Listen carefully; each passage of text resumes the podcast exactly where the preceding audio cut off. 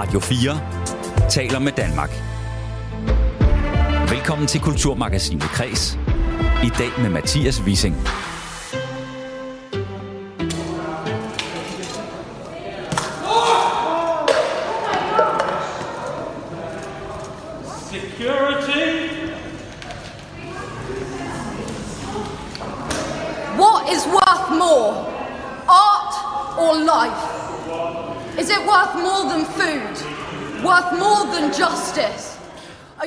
Ja, for to og en halv måneder siden, der hældte to pur unge aktivister tomatsuppe på Vincent van Goghs berømte solsikkemaleri, som hænger på øh, National Gallery i London. Og efterfølgende så tog de en klap superlim i hånden og klistrede sig selv fast til den grå væg, som maleriet det hænger på.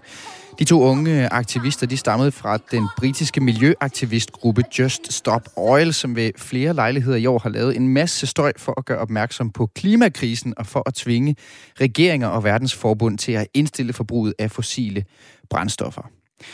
Klimaaktivisme på kunstværker blev i det hele taget talk of the ikke bare town, men world i kunsten i 2022, men det er ikke det eneste, der skete i billedkunsten i det år, som næsten er gået. Hvis du bliver hængende den næste times tid, så sørger jeg for, at du er godt klædt på til at tale med om de øh, vigtigste tendenser og de største billedkunstneriske begivenheder i år. Det gør jeg med hjælp fra alvorligt kunstkyndige gæster. Mit navn er Mathias Wissing. Velkommen til Kulturmagasinet Kreds og året, der gik i billedkunsten.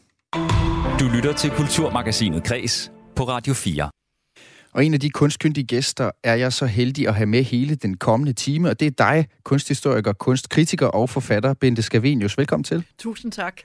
Vi kender dig jo som øh, kunstkritiker og fra Kunstquiz og fra Danmarks bedste portrætmaler, og så er du aktuel i øh, DR-programmet Verdensdamerne, hvor du øh, sammen med de to journalister, Lotte Freddy og Merete A. Bært, udforsker nogle af, af Europas store byer. Vi hører lige lidt fra det. Yes. Velkommen til Firenze. Jeg har glædet mig sådan til den her tur. Ja, det bliver så dejligt. Ja. Jeg kommer helt fra New York af. Jeg kommer dog kun fra Venedig. Vi skal jo sammen på rejse til fire store byer i Europa, og det er jo øh, vidunderligt at skulle det. Samtidig skal vi jo også vise hinanden kunst og kultur. Ja, et lille klip her fra Verdensdamerne, som du er med i, øh, Bente Scavenius. Ja. Det er et herligt program, og vi skal Ja. ja. tale om, om kunsten i året, der gik. Det er egentlig mm. det, det handler om i dag. Men først skal jeg bare høre dig. Hvordan har dit år været? Ja, mit år har faktisk været rigtig, rigtig godt. Jeg har sjældent haft så meget arbejde, eller det er ikke sandt, for jeg har haft meget arbejde i rigtig, rigtig mange år.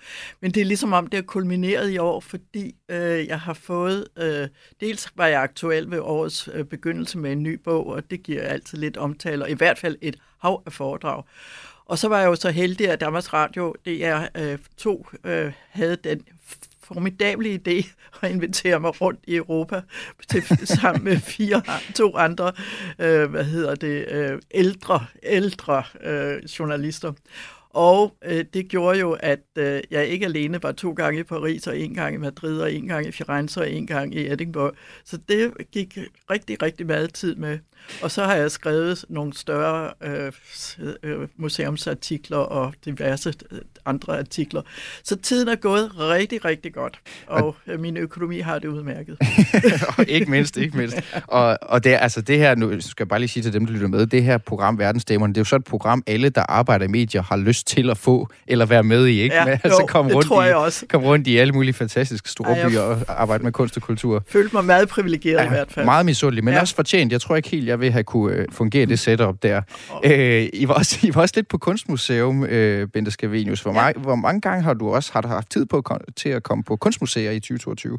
Ej, det tager jeg nok sådan en 200 gange eller sådan noget. altså, det, det er jo det, jeg lever af. Det er jo at være, øh, hvad skal man sige, meget øh, opdateret med min viden, så øh, jeg ser de udstillinger, jeg overhovedet kan øh, nå. Og dernæst så er det jo også min drivkraft, det er hele min interesse. Så alene i går så jeg fire udstillinger. Sådan. Ja, Så er man lidt træt i benene over i hovedet, eller ja, hvad? ja, nej, nej, det går. Øh, det handler om året, der gik i kunstens Ja, ja, ja, verden, og det ja. har jo været et år, Bente Scavenius, hvor Mona Lisa, hun i klimaets navn fik en flødeskumskage lige i smasken.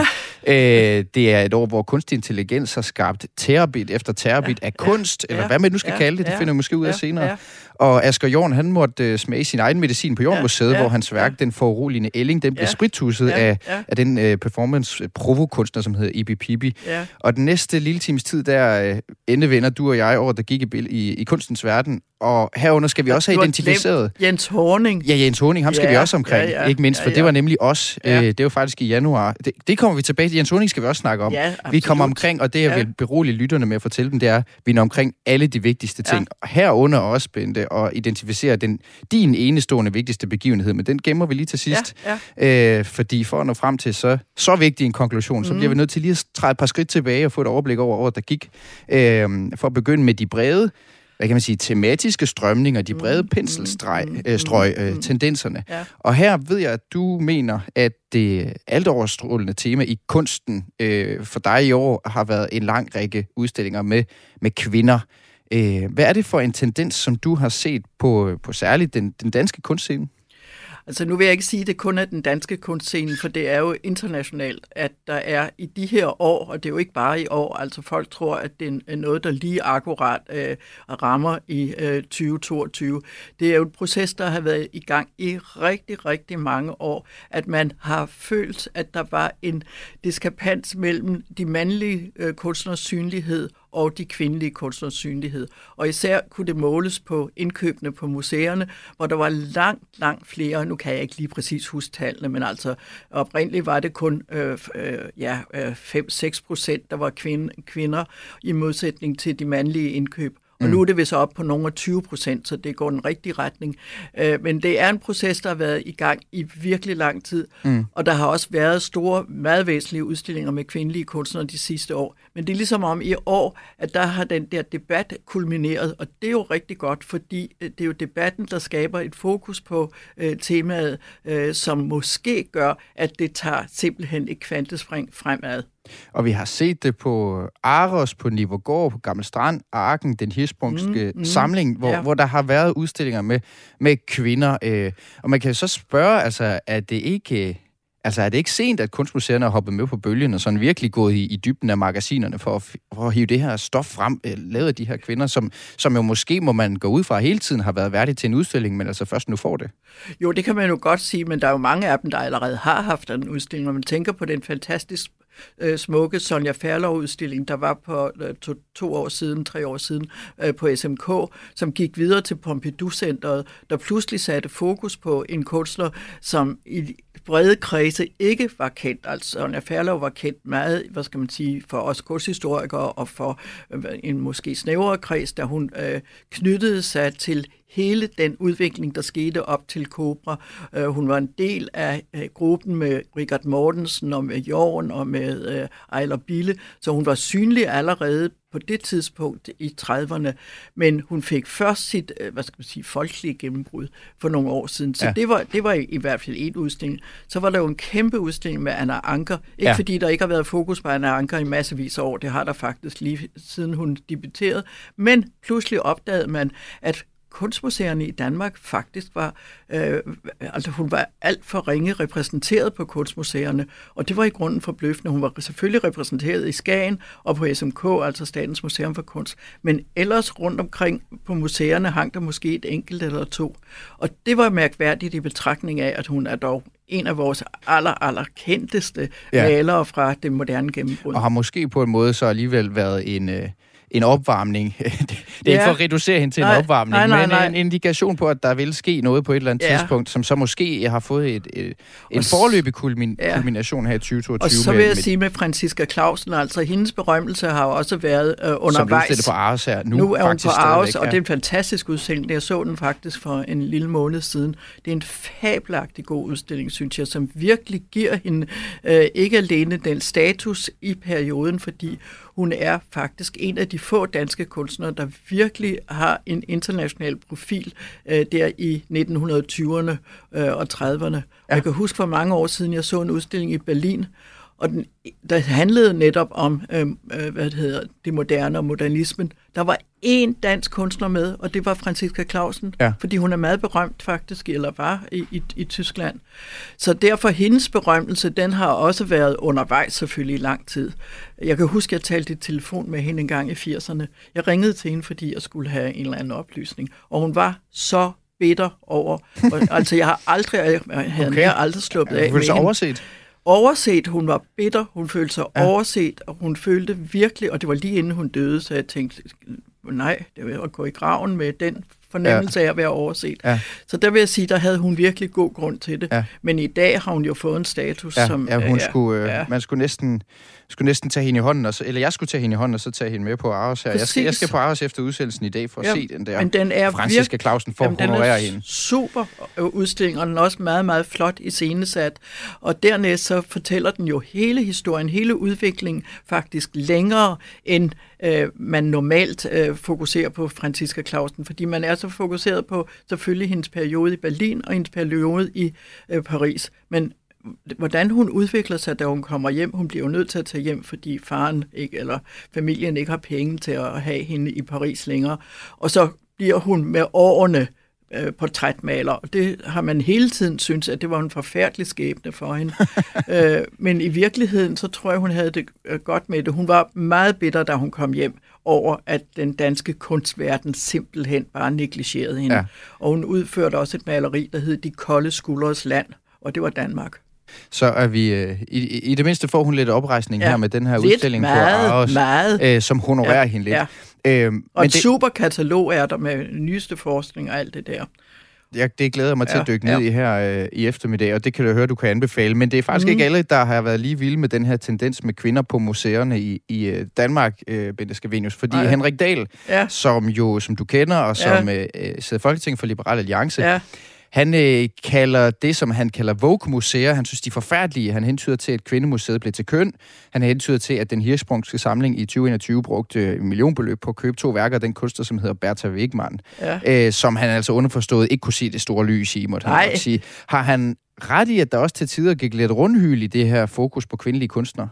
Ej, det synes jeg ikke, for jeg synes netop, at det, jeg lige har gjort rede for, at det er ikke bare i år. Det er virkelig en proces, der har været undervejs i lang tid. Så det er ikke bare sådan et eller andet hype, øh, som man har fundet på i år, fordi nu er det enormt, øh, hvad skal man sige, oppe og fokusere på de kvindelige kunstnere. Det er virkelig en Men du, lang, har jo, lang proces. du kan jo se kvalitet, du kan jo gennemskue kvalitet også, Bente Scavenius. Altså, hvis du lægger hånden på Ja. hjertet, øh, øh, synes du så, at der er et eller andet projekt kørende, hvor man kommer forrest i køen, fordi man øh, er kvindelig kunstner, øh, for at udligne et eller andet stort regnskab, eller synes du, at kvaliteten er der? Jamen, jeg går absolut ikke ind for, at man skal øh, prioritere nogen, fordi på grund af deres køn, men kun på grund af deres øh, kunstneriske kvaliteter. Og det, øh, og det siger jeg virkelig øh, med fare for, at der er nogen, der synes, at det, det er en forfærdelig holdning at have. Øh, men sådan er det, for i den sidste ende må det handle om, at kunsten har øh, det, øh, indfrier de maksimale krav til et kunstværk. Øh, så derfor så, men det, der er øh, pointen i det her, det er, at så mange kvindelige kunstnere, som faktisk har det niveau, er blevet overset. Og det er der i, øh, hvad skal man sige, øh, fadesen ligger. Mm. Så at der er så nogen, der løber med i købet, ja, okay, men tænk, hvor mange mænd, der har fået chancen, uden det jo på grund af berettiget ja. til det. Sådan har det været. Ja. ja. de har en historisk fordel, Ja, mener du. Ja. ja, ja. Øh, Bente, om lidt så skal vi se på klimaaktivisme Ja. på kendte kunstværker, Ja, ja. og vi skal også omkring digital kunst. Men Ja, inden vi kommer ja, til det, ja. så har der også været en anden væsentlig tendens i kunsten fra i år, som jeg godt kunne tænke mig at vende med dig, nemlig det der performative, Ja. som kom til udtryk i særligt to store begivenheder, mm, som vi har valgt at fremhæve ja, her i Kulturmagasinet ja. Kreds øh, i kunsten herhjemme. Øh, I starten af året, så fik vi en debat om kunst eller tyveri, da den her kunstner, som du lige øh, teasede for øh, helt op i oplægget, ham som hedder Jens Honing, Ja. han fuldendte, kan man sige, det værk, som han kaldte uh, Take the man- Money and Run, sige. som egentlig var til kunsten i Aalborg. Ja. Det gik jo ud på, at han øh, stak af på en eller anden måde med 500.000 kroner Ja, i et lille ja, ja. forsvindingsnummer, Ja, som altså ja, blev fuldendt der den ja. 16. januar i år, Ja. som var den deadline, kunsten havde givet ham Ja. til at tilbagebetale de penge, Præcis, som, han, som de havde givet ham, Ja, ja. fordi at han skulle udstille dem. De skulle simpelthen Netop, bruges som kontanter netop. i selve Ja, udstillingen. ja, Ikke? Der handlede om penge. som handlede om penge Ja. og om, og, og, om, om, om at få ordentlig løn, simpelthen. Ja. Og i stedet for så at, at levere det der planlagte kunstværk, som i øvrigt var et, han havde lavet før, og som kunsten bare ville genudstille, Ja, ja. så leverede han så at sige et nyt kunstværk, som altså var det her Ja. Take the Money and Run, Ja. hvor han leverede tomme malerier og rammer uden, uden penge i, Ja, ja. og som kunsten så, og det er ret vigtigt, de valgte at udstille. Ja, og det var simpelthen, der skød de sig selv i foden. Ja, altså, og, og du, skal, ja. Du skal tage mig med her, fordi øh, Karen Bliksen, hun har engang sagt, at man skal være taknemmelig, hvis man forstår halvdelen. Ja. Kan du ikke lige tage mig med på, øh, altså, hvad, hvad er op og ned i det her med, at de vælger at udstille det? Hvorfor er det egentlig ja, et, et springende punkt? Det synes jeg simpelthen, at øh, det, det er der i hele fejlen fra deres side ligger. Fordi, øh, altså for det første, når du engagerer Jens Horning, så kan du ikke forvente, at han kommer med et eller andet mainstream. Altså han har været på banen i mange, mange år, og han har været overraskende i mange, mange år. Så derfor, hvis du inviterer ham, så må du også forvente, at der kommer en eller anden form for... Øh, øh, provokation, som gør, at han sætter noget på spidsen øh, med øh, en debat, som måske er meget aktuel. Og det er der i, han har sin force, at han går ind og gør værket selvfølgelig øh, væsentligt ved at sætte gang i en debat, som også er væsentlig og som spejler værket på den der måde. Men det, som øh, er museets store, store fejltagelse, øh, synes jeg, det er, at de hænger værket op. For hvis de mener, at de ikke har fået det værk, de har bestilt, så ned i kælderen med det. Ja. Altså, Vi, øh, vi, og- snak, vi snakkede om, Bente, om det var PR det hele, for det er jo det har fået masser af omtale. Altså, Jamen, men... det er jo klart, men jeg tror slet ikke, at øh, Jens Horning har tænkt på PR, fordi han er øh, faktisk en, en ret seriøs kunstner. Jeg tror simpelthen, han har tænkt på øh, hele den... Øh, hvad skal man sige, hele den debat og hele det øh, fokus, som øh, værket ville få, ved at simpelthen øh, give det en ekstra dimension, at han har take the money and run, ikke? Og jeg, jeg må indrømme, jeg døde af grin, da jeg hørte om det. Altså, jeg synes, det var det sjoveste på den jord.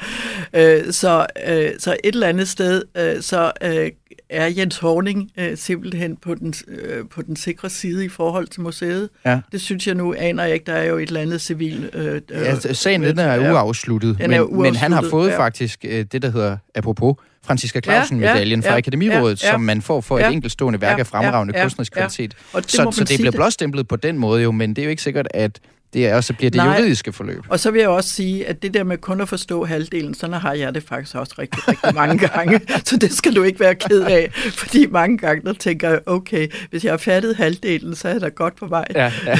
Jamen, og det så, tror jeg Ja. faktisk er en god måde at gå Ja. ind til kunst Ja. i det hele Ja. taget på. Ikke? Ja. Ja. Øh, og sådan skal man måske også gribe noget andet, den anden gren af de her performative ting, som jeg lige vil vende med dig, før Ja. vi skal snakke Ja. om klimaaktivisme på Ja. kunstværker. Fordi i slutningen af april, der lavede, øh, hun kalder sig selv provokunstner, Ibi Pibi Orup Hedegaard hedder hun. Er hun ikke en mand? Øh, hun har, har lavet et juridisk kønsskifte, øh, Ja, ja. men altså øh, ser ud som, som, som det, vi, det, vi plejer at kalde mand, men Ja. er, altså, har altså et juridisk kønsskifte til kvinde. Nå, okay. Øh, Ja. Og hun har så lavet det, hun, hun selv kalder en dobbelt modifikation, og det Ja. synes jeg er magisk ordjonglering, Ja. øh, men hvor hun med tus og kontaktlim øh, øh, ligesom øh, lavede det her fremstød mod Asger Jorn-maleriet, den foruroligende Elling på Ja, Museum Jorn ja, i Silkeborg. ja, ja. Silkeborg, Silkeborg, hedder det. ja, ja.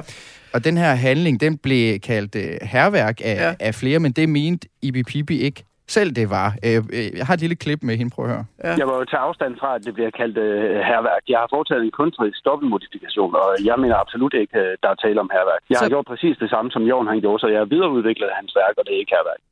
Altså en kunstnerisk dobbeltmodifikation, men den købte øh, museumsdirektør på Museum Jorn i Silkeborg ikke. Øh, han mente, det var herværk. Han sagde sådan her. Det er rent herværk. Det er forsøg på at ødelægge et øh, museumsværk, øh, et, et, et hovedværk i dansk kunst.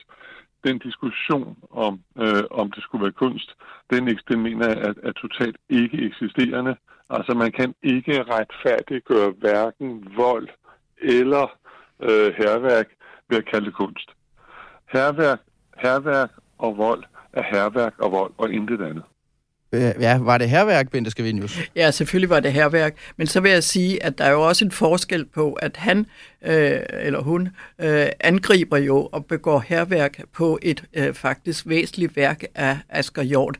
Det Hjort gjorde i sin tid, som var i 1959, så vidt jeg husker, det var, at han på et øh, loppemarked havde fundet et stykke trivial kunst, som han så på en eller anden måde går ind i en dialog med øh, et begrebet trivial kunst og ophøjer det til et kunstværk af Asger Jorn. Ikke? Mm. Der ligger en helt, helt anden proces i det. Øh, øh, Pippi, hvad jeg var lige ved at sige, Pippi Lakkestrøm.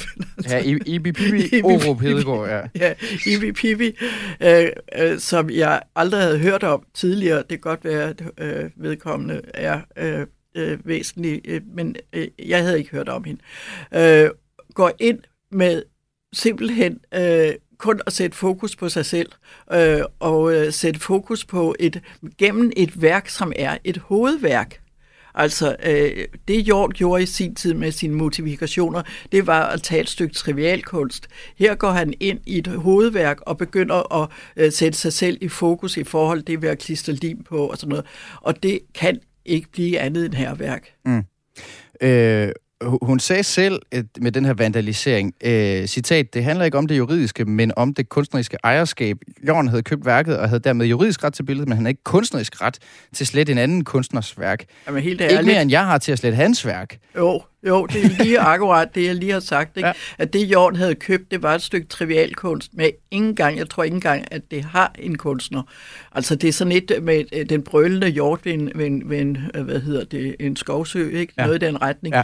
Altså, hvor øh, Pippi går ind og simpelthen sætter spørgsmålstegn med værket af Jorgen, og der er en væsentlig forskel. Og dermed er vi jo kommet til at tale om et, øh, et interessant begreb i kunsten, som faktisk også bringer os ind i klimaaktivisme på mm. kunst, nemlig ejendomsret. Mm. Øh, og jeg kan lige få faldrebet her til snakken om Ibi Pibi, øh, den øh, provokunstneren her, sige til alle bekymrede for den foruroligende ælling, at værket nu er renset og restaureret, ja, men at ja. de får altså en ny direktør fra marts 2023, Jamen, øh, der i Silkeborg, fordi Jakob Tage, han fik nok, og han, øh, han stopper. Ja, men nu havde han også en alder, så det gjorde ikke noget.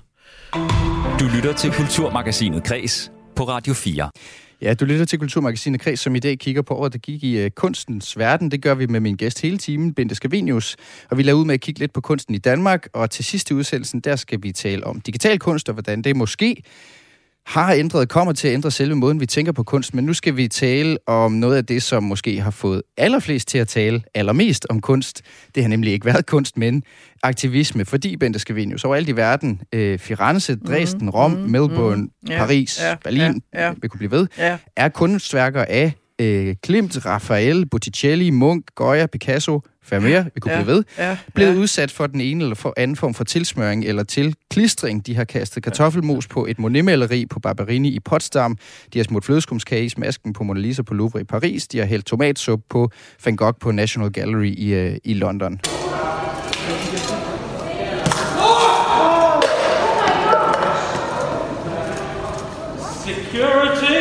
Ja, så bliver der kaldt på, på sikkerhedsvagten der øh, i, i London. Øh, Weekendavisen de lavede tidligere år en overflyvning over det her tema med klimaaktivisme med happenings og herværk, og der havde journalisten bag blandt andet talt med professor i kunsthistorie på Aarhus Universitet, Jakob Wamberg, som kalder klimaaktioner på kunstværker for et legitimt greb. Og Jakob Wamberg, velkommen til øh, Kulturmagasinet Kreds. Tak. Kan du ikke øh, uddybe, hvorfor det i virkeligheden er helt legitimt med de her aktioner, som Van Gogh, Mona Lisa og en lang række af verdens største øh, kunstnere og kunstværker er blevet udsat for? Jo, først og fremmest tager de jo øh, udgangspunkt i den omstændighed, at politikerne er underligt tøvende i forhold til at agere øh, i forhold til klimakrisen. Og det er vi alle sammen øh, jo egentlig øh, i det hele taget. Og det vil sige altså, at der skal måske ekstra øh, parlamentariske midler til for at få os til at vågne op, og det er det, de gør. Og det synes jeg faktisk er rimeligt under de her omstændigheder. Ja, øh, øh, øh, bare lige for at forholde, altså, øh, gøre det helt klart, de har jo ikke, der har jo ikke været eksempel på, at kunstværker er blevet ødelagt. Øh, de har kastet ting på, øh, som regel sådan nogle beskyttelsesglasplader, der er foran. De har en gang imellem klistret sig fast til nogle, øh, nogle øh, rammer, som, som så er blevet ødelagt. Men der er ikke, selve kunstværkerne er, er faktisk uskadte.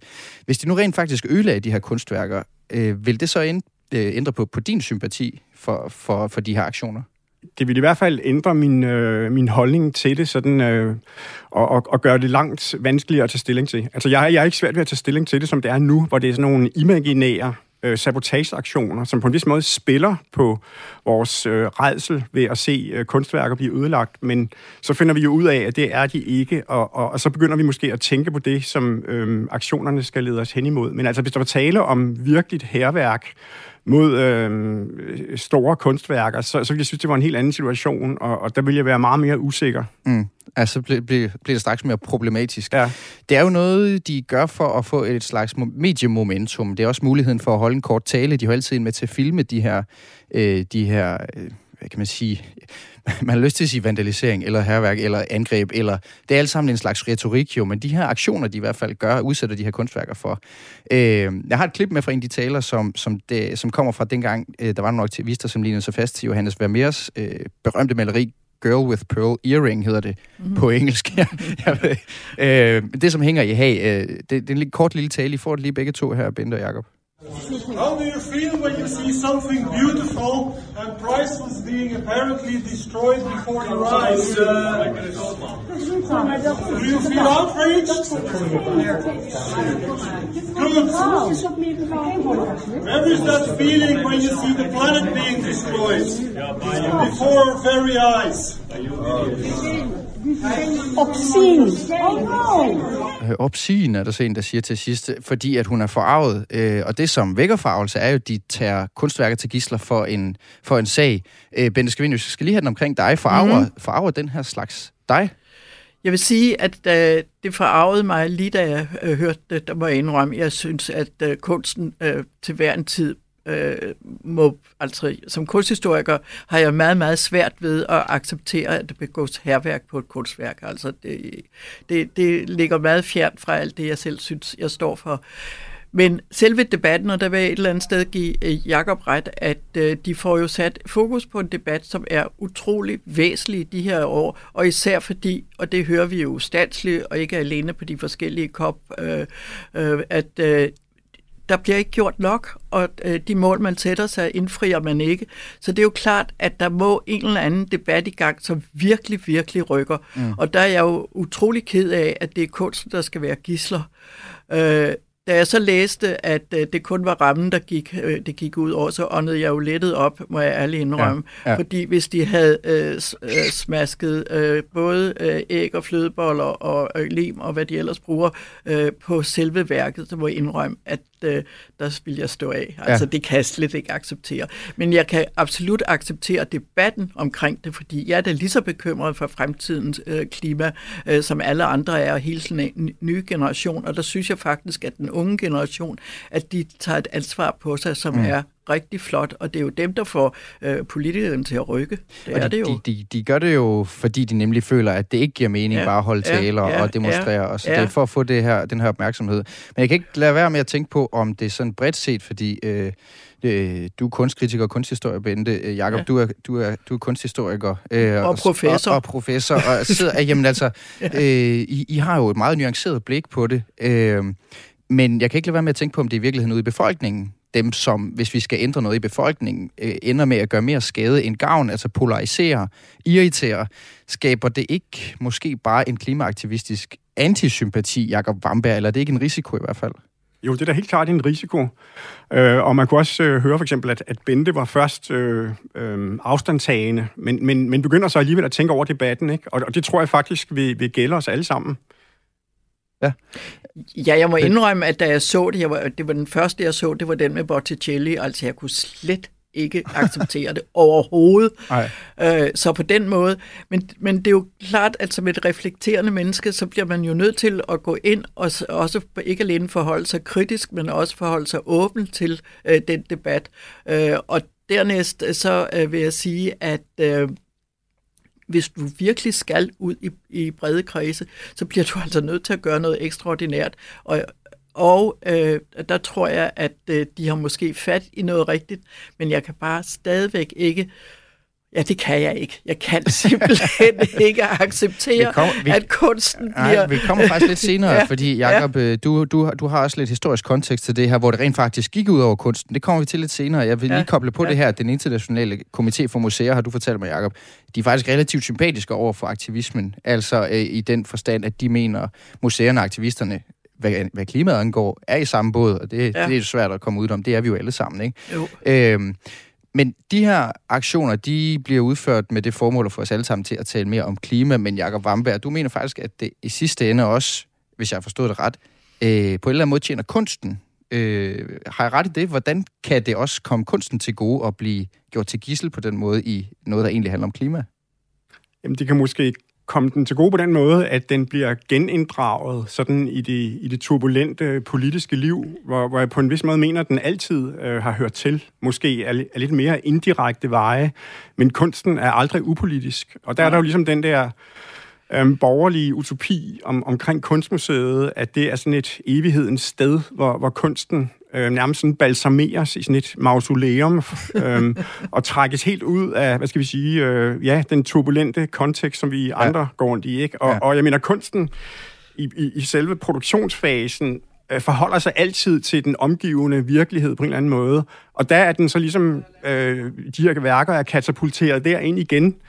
Øhm, og, og det mener jeg måske i virkeligheden øh, er meget sundt. Ikke? Altså, de, de begynder ligesom at, at, at, at få en, en, en kontant øh, politisk øh, potens, som, som jeg mener ovenikøbet ikke er helt langt væk fra, øh, hvor i hvert fald en del af dem befinder sig. ikke Fordi jeg mener, sådan en som Van Gogh var meget optaget af naturen og vores øh, øh, fremmedgjorthed over for den som bymennesker. Og, og han ville gerne skildre øh, bøndernes... Øh, liv på sådan en mere rå, øh, sådan i hovedet øh, på os alle sammen måde, så vi kunne ligesom sådan genetablere et, et forhold til naturen, som vi egentlig øh, var kommet væk fra. Ikke? Så, så jeg mener, at Van Gogh var meget øh, revolutionær øh, i sit anlæggende, og, og jeg vil absolut tro, at han havde sympati for den her type aktioner, og kunne se øh, sin egen kunst som led i det. Ja, ja.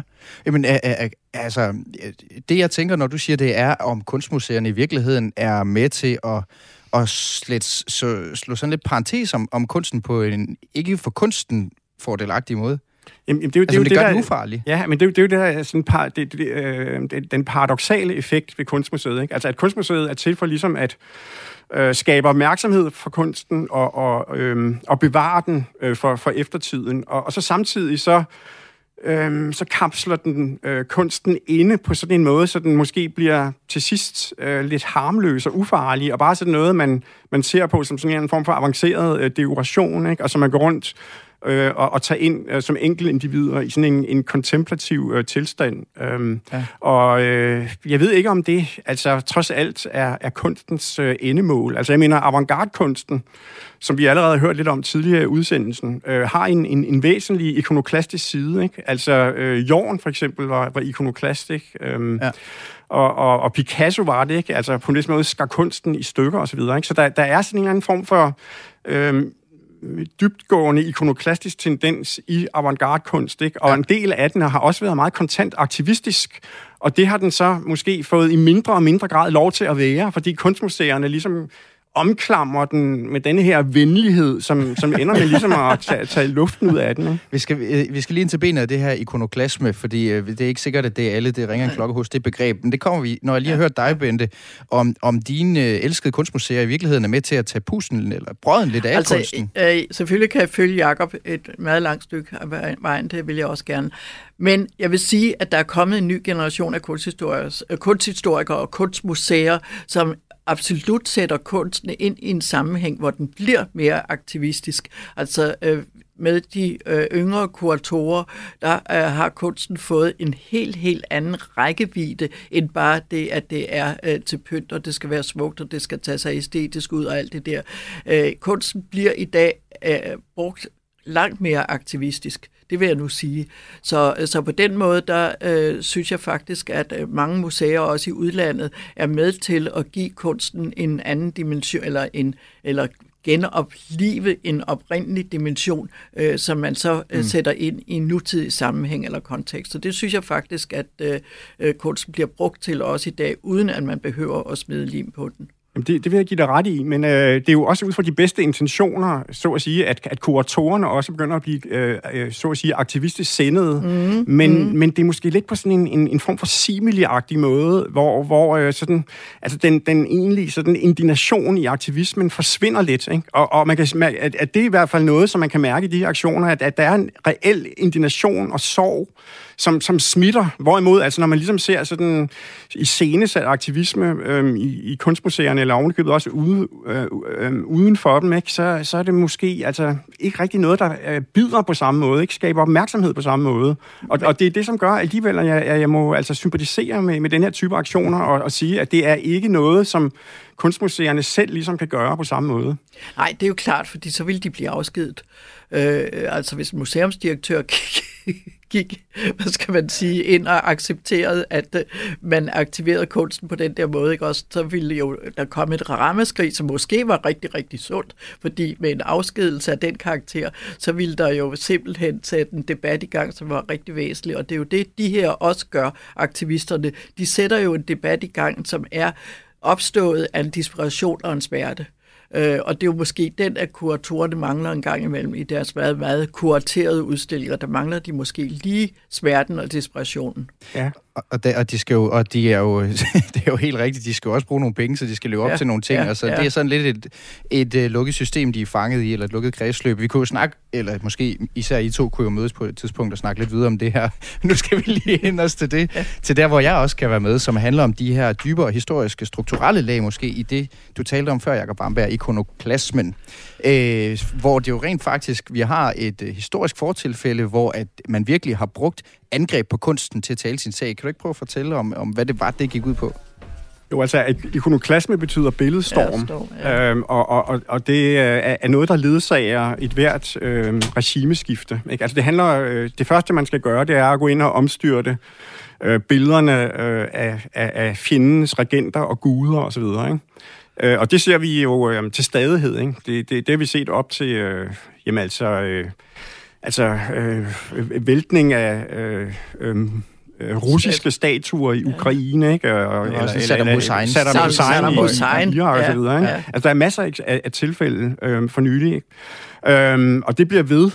Øhm, og det, er- det er også sådan set det, øhm, vi så en, en form for øhm, øh, aflægger af øh, i, i de her mange angreb på folk, der var øh, involveret i den transatlantiske slavehandel, øh, mere eller mindre øh, direkte. Ikke? Altså selv sådan en, en, en, en, en missionær som Hans Ede ikke? Øh, i Grønland øh, øh, fik øh, smurt rød maling på sig i flere omgange, ikke? fordi man ligesom, altså man, man, man ser nærmest øh, statuerne som sådan en slags øh, øh, vikarielle mennesker, som så, så skal angribes. Ikke? Mm. Der har også været en, en del øh, ikonoklasme, altså billedstorm, som handler om selve dette at billedliggøre det guddommelige, som har været øh, kritisabelt øh, fra og med jøderne. Ikke? Øh, det er stadig meget udbredt øh, i islam. Øh, det, det var en, en væsentlig del af den, den vestlige middelalder, den østlige middelalder i Byzans, øh, det, det var en del af, af øh, protestantismen. Ikke? Altså at protestantismen øh, er også meget skeptisk over for øh, billedets øh, evne til ligesom at øh, altså inkarnere det guddommelige. Ikke? Så, så kunstnerne skulle egentlig helst begynde at lave noget andet, og man kan sige, det er nærmest det, der fører til opkomsten af moderne kunst. Det er sådan mere skabelsen af ja. hverdagslivet. Det er som noget tilladeligt, ikke? Og så, og så, og, så- og så en, en sidste ting, som jeg øh, synes er vildt interessant, det er også øh, den her øh, meget, meget tidlige, kan man næsten kalde det, feministiske bevægelse i England. Øh, suffragetterne, Ja, ja, suffragetterne. Suffragetterne. Øh, med sådan Ja, et øh, SJG. Øh, som jo faktisk ødelagde kunstværker, Ja. ja. som hang rundt omkring. Øh, hvad, altså, hvad var det, de gjorde? De gik direkte på ange- til angreb med økser, altså på de her kunstværker. Det er jo, Ja. øh, hvad må være, lad os sige, så hvis de her klimaaktivister, de gjorde det, så tror jeg, vi ville have, have endnu mere travlt med Ja, at det er snakke der om det. ikke? dilemmaet øh, virkelig ville være. Ikke? Altså, der, der var det her famøse eksempel med, med suffragetten Mary Richardson, der, der gik til korporligt ja, angreb ja, ja. på øh, Velasquez Rugby Venus og, og, og, og flænsede øh, det her billede med, med nogle drøje øh, øh, øh, revner, øh, som så skulle virkelig restaureres. Øh. Og jeg mener, der kunne man også sige, altså jo, billedet blev taget øh, som gissel i en tilsyneladende helt anden sag, men så alligevel øh, forestiller det en, en liggende, nøgen, idealiseret kvinde, som måske så alligevel bliver sådan et objekt for det mandlige blik. Så så langt var måske den aktion så heller ikke for mm. det, suffragetterne var ude i, nemlig ligesom at skabe en form for ligeberettigelse ja. mellem kønnene. Ikke? Øh, og, og, og, det, og det, det, der gør det særligt vanskeligt at tage stilling til sådan en aktion, øhm, er, at den måske faktisk har været med til at øh, give kvinderne øh, stemmeret øh, rundt omkring i Europa der i begyndelsen af 1900-tallet. Ikke? Øh, og og øh, det, det er virkelig... Tænk nu, hvis det også ville være sådan med ødelæggelsen af et reelt kunstværk. Det, altså, jeg, jeg ville være meget skeptisk over Ja, for det det, men, men det, det, og- det, det, det, der gør det vanskeligt, ikke? Fordi Ja. altså, når, når historien virkelig viser sig, ikke? Jamen, så foregår det ikke altid så, så, så roligt og, og, og, og velgennemtænkt, vel? Altså, nogle gange... Altså, lige, altså, jeg mener, nogle gange ligesom altså, i ægteskaber, ikke? Der skal skænderi til, ikke? Før Ja. luften bliver renset og sådan Ja. ja. Men altså, ja, det er ikke, fordi jeg opfordrer til, til egentlige øh, her, herværksaktioner. Jeg siger bare, det, det, det, det er et vanskeligt regnskab i, i, i, i, i det store perspektiv. Øh, Jakob Vamberg, øh, vi skal til at tale om digital kunst, det skal vi også nå, men jeg skal nå at høre dig, og nu er vi jo på vej ud af 2022, det er sådan lidt, så spår vi også om 2023. Du skal spå for mig nu, om vi kommer til at se klimaaktivistiske øh, fremstød på værker i Danmark i 2023. Du må gerne sige lidt mere end ja eller nej, men heller ikke mere end det. Ja, altså, jeg vil, jeg vil nødt foretage den slags spotter om, ikke? Men altså, øh, øh, vi har jo tidligere set måske, at, at, øh, at de revolutionære tendenser i Danmark nogle gange er lidt mere afdæmpet end andre steder i Europa, ikke? Og det kan godt være, at gassen går lidt af ballonen, øh, også efter det er afprøvet, men, men det kan også godt være, altså, at så en dingmyrsen vil afharpe dem, og der kommer nogen. Jeg tør ikke svare på det. Tak fordi du var med alligevel. Jakob Wamberg er altså professor i kunsthistorie på Aarhus Universitet. Selv tak. Du lytter til Kulturmagasinet Kres på Radio 4. som i dag øh, giver dig, der lytter med, en øh, år, der gik i kunstens verden udgave. Jeg har kunstkritiker Bente Scavenius med hele timen, og det har handlet om øh, performativ kunst i Danmark, såvel som klimaaktivisme, men nu skal det handle om digital kunst, for her er der sket særligt to væsentlige ting. Der er sket mange ting, men særligt to, som vi fremhæver her, som er værd at byde mærke i. Og til at gøre os klogere på dem, så kan jeg byde velkommen til en, der sidder med digital kunst til daglig i det arbejdsfællesskab, som hedder Korridor, nemlig dig, Maiken Overgaard. Hej med dig. Hej, hej. Vi skal tale om, hvordan øh, NFT'er har været ude på en øh, rutsjetur, kan man sige, og hvordan kunstverdenen reagerer på, at der i år er kommet flere digitale tjenester, som kan generere billeder, som ligner reelle kunstværker. Men først, du arbejder som sagt med digital kunst til daglig, og derfor er du også den rette til at fortælle mig om lytterne. Øh, vi har sikkert hørt det før, men jeg har brug for at høre det en gang til, fordi det er ret svært at forstå. Hvad er digital kunst på den måde, I arbejder med det? Ja, man kan sige, at digital kunst er mange ting. Det er jo øh, kunst, der benytter sig af bits og bytes. Øh, alt det, øh, det digitale univers, som vi omgiver os, omgivet af. Øh, og så spørger du specifikt ind til NFT'er, som jo er noget, der er sådan virkelig eksploderet her under øh, pandemien. Øh, og det er en forkortelse for non-fungible tokens, som er ikke erstatbare digitale objekter. Og de, og, og de her øh, kunstværker, altså øh, NFT'erne, de har så været på lidt af en rutsjetur i år, fordi de var vældig, vældig hypede. øh, og så var det som om, at så øh, blev de sådan lidt øh, noget, man gør grin med, specielt selvfølgelig, hvis man ikke havde nogen. Øh, og, og nu er det landet et eller andet sted øh, midt imellem, synes jeg på en eller anden måde. Hvad, hvad er det, der er sket i år med de her NFT'er? Ja, man kan sige, at i 21 var jo virkelig et hypet år, hvad angår NFT'er. Øh, priserne steg til øh, altså uanede højder, og, øhm, og man kan sige, der var sådan lidt et øh, folkeligt gennembrud i forhold til den her form for digital kunst. Øh, og det, der så sker i 22, det er, at vi har en generel økonomisk afmatning, der selvfølgelig også påvirker det her marked for kunst.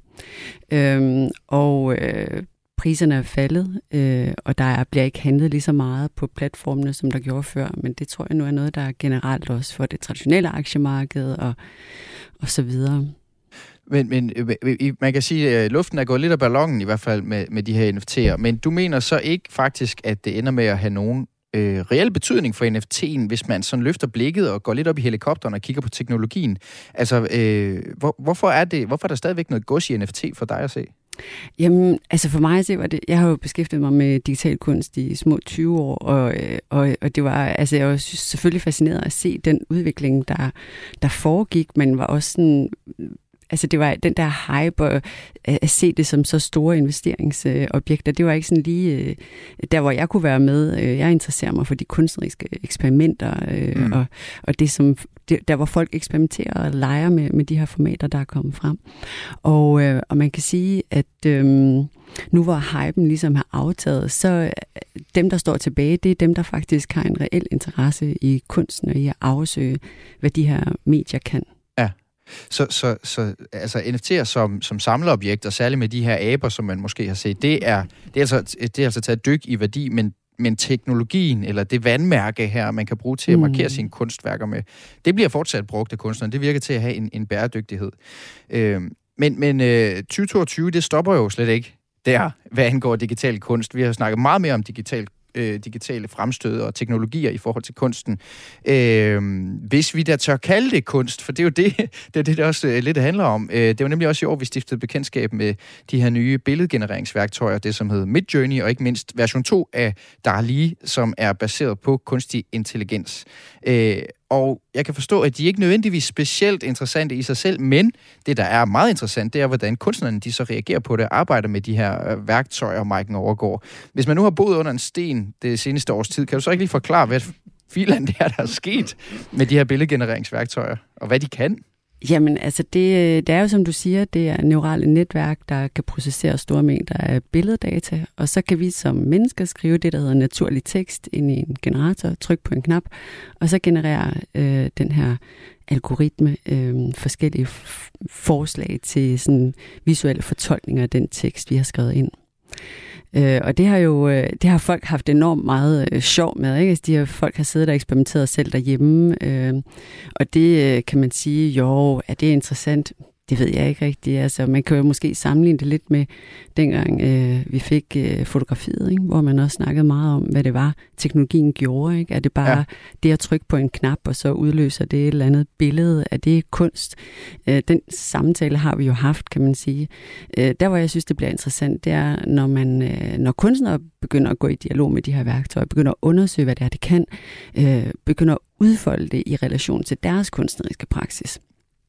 Øh, og, det er i hvert fald, og, og hvis man har set nogle af de her ting, der bliver, der bliver lavet, altså, så ser det vidderligt imponerende ud. Altså, det er ikke bare sådan et eller andet legetøjsagtigt noget. Altså, det ligner virkelig noget, hvis man beder om og, øh, en eller anden øh, fremstilling af en, et portræt af en amerikansk præsident in the style of Rembrandt, kan man skrive. Altså, det ligner decideret noget, Rembrandt har malet. Det, det, det er ret imponerende, synes jeg. Øh, vi talte også om det, dengang historien kom frem tidligere på året, hvor min kollega øh, Maja Hall, hun talte med, med ham, som hedder Torben Sangil, som er skribent for Zetland og kunstanmelder, og i øvrigt også radiovært her på kanalen. Og, øh, og, og vi kommer ind, hvor Torben Sangil, han ligefrem kalder teknologien for en disruption, en disruption af måden, som vi omgås billeder på i det hele taget. Mm. Øh, hvis I lige har mulighed for at lytte med, så kan I høre, at han sagde sådan her.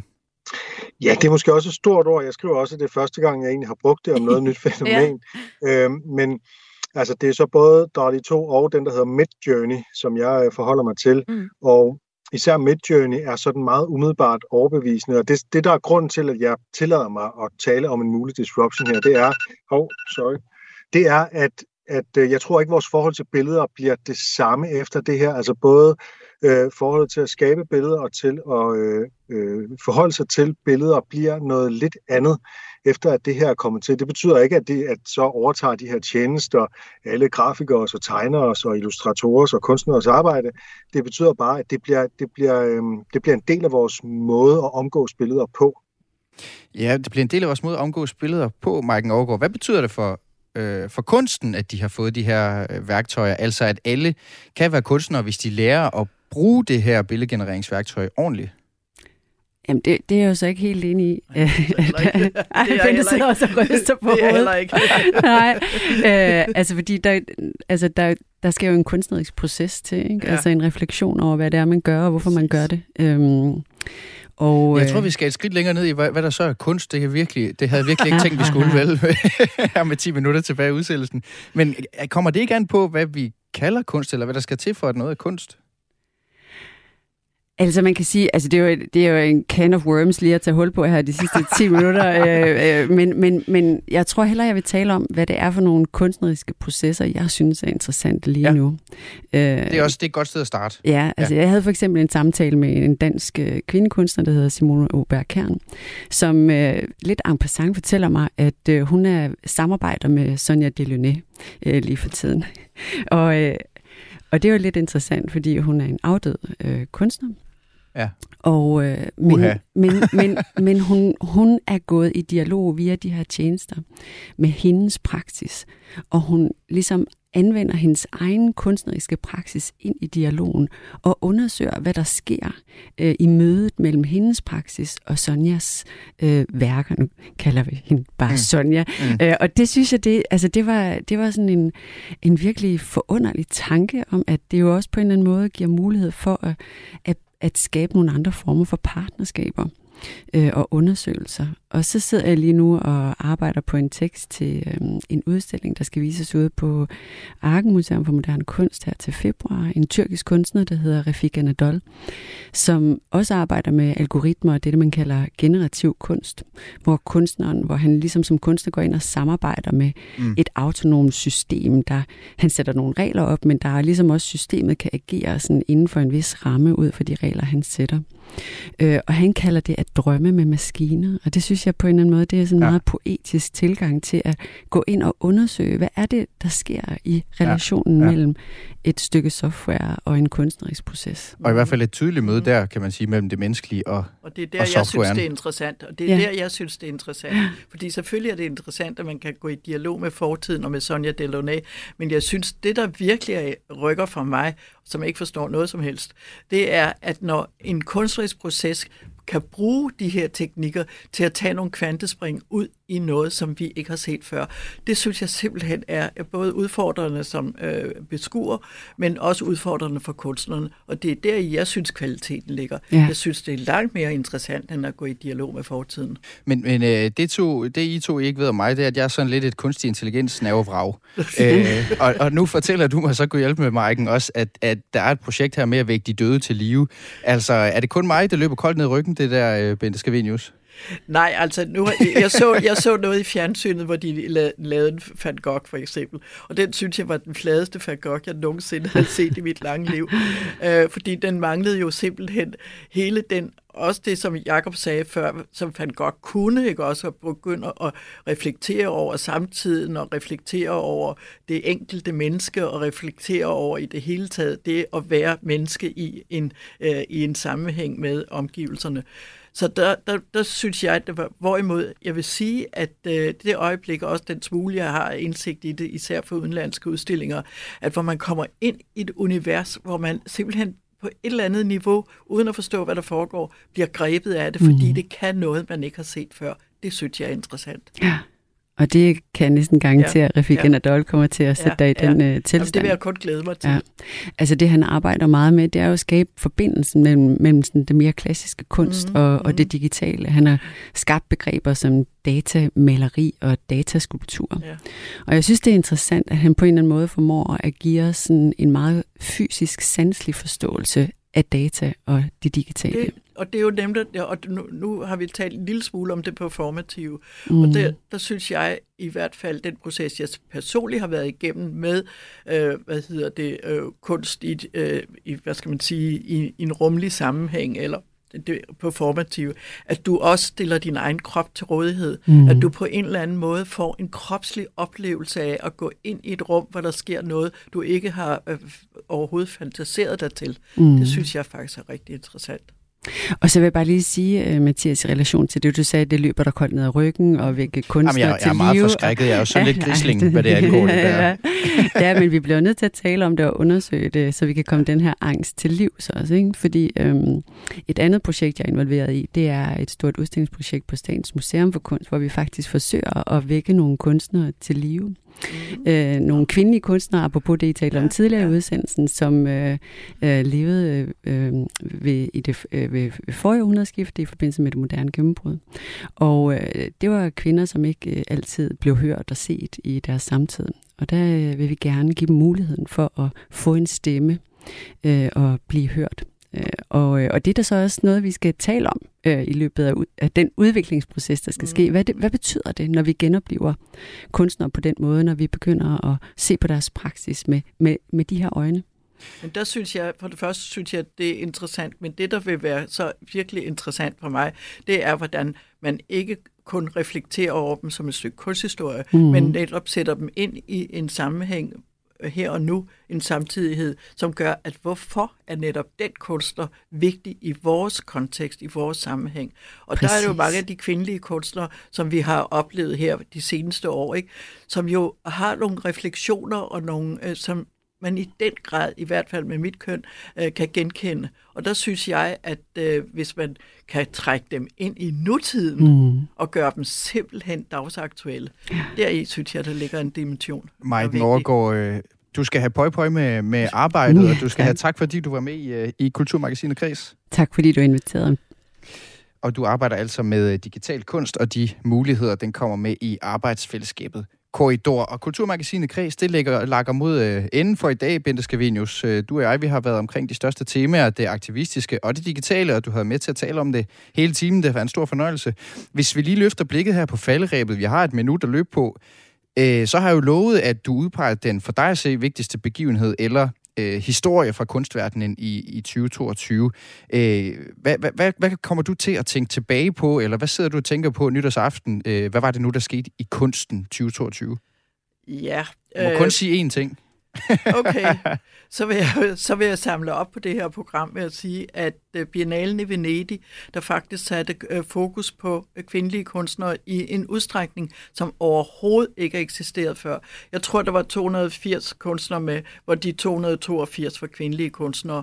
Og det var en sådan Øh, øjne åbner, for ikke alene greb de fat i kvindelige kunstnere tilbage fra surrealismen og hele vejen op gennem det 20. århundrede, men i nedslag, fordi de hele tiden satte det ind i en kontekst, sådan så at man følte, at man var virkelig, virkelig tæt på dem, og så bragte de så mange kvindelige kunstnere, ikke alene fra den vestlige verden, men også fra, øh, fra Afrika og fra skal, Asien og sådan noget. og det synes af. jeg var så interessant.